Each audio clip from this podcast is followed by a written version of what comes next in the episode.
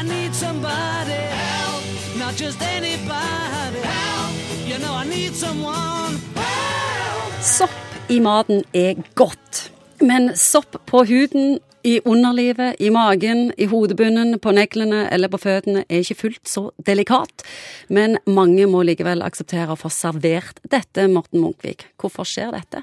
Ja, eh, Sopp overalt. du har nok sopp overalt, sånn i utgangspunktet. Så, ja, ganske overalt iallfall. Akkurat det samme som du har bakterier overalt. Men eh, på huden har du nok eh, ganske mye sopp. I underlivet har, eh, har man sopp. Og det er først når det blir for mye av det, at man sier man har en soppinfeksjon, og det ser mindre delikat ut. F.eks. på neglene, at de blir tykke og rufsete og gule og eh, ikke ser spesielt bra ut, og, og røde ringer på kroppen og Når du må på sopptur, f.eks. i underlivet, hva har skjedd da? Ja.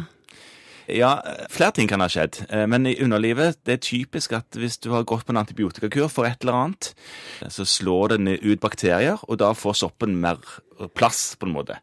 Det blir for reint? Det blir rett og slett for reint på bakteriesiden, ja. For sopp og bakterier de lever i en sånn symbiose, og når det blir for lite bakterier, så vokser soppen opp. og Det kan gi soppinfeksjon. Gjelder det det samme på negler og på huden og på Nei, ikke så mye der. Mer, mer, mer der du har mer daglig balanse, på en måte. Det er mer seigtlevende, det som er på negler og sånne ting. Hvordan får en vekk sopp i underlivet?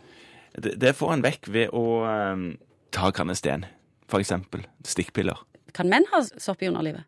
Menn kan ha sopp i underlivet, ja. På glans på penis kan man ha sopp. Da blir det rødt og hissig irritert, og noen ganger kan det være sånn hvitig belegg der.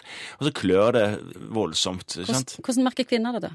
De merker at utfloden ofte endrer seg til å bli litt mer sånn hvitklumpete, og så kan en merke at det blir mer av det.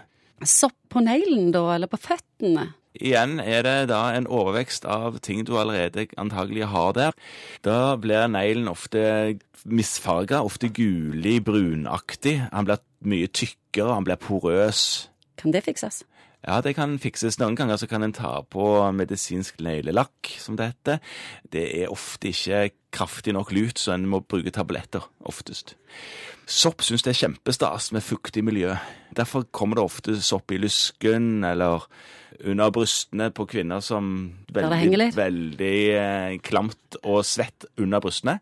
Mellom rumpeballene kan det komme sopp. Det syns sopp er kjempestas. Da trives han, og da kan han vokse opp. Er det vanskelig å få vekk? Eh, Ja, det kan være vanskelig å få vekk. Da, da må du ofte bruke mm, antisoppmiddel og spise det som tabletter. Og det må du ofte gjøre i eh, månedsvis. Er det mye sopp blant folk? Ja, det er en ganske vanlig, eh, vanlig plage hos mange, spesielt eh, fotsopp som er på fotbladet, eller neglesopp, spesielt på neglene på føttene, er en stor plage, og en ganske langvarig plage, for det er ikke alle som gidder eller orker å ha utholdenhet til å gjøre så mye med det. De, bare- de, de lever godt med sin sopp. Er det smittsomt? Ja, det er smittsomt. Så det, er da det er ganske ego å leve godt med sin sopp? Ja, ja, på en måte er, er det jo det. sant? Så Er alle sopptyper smittsomme? Ja, du kan nok få de til å leve, men de smitter jo ikke veldig, veldig lett, altså. Det er ikke sånn at eh, er du borti en som har sopp, så får du sopp du òg. Det, det er ikke sånn. Det, det skal mer til enn en det.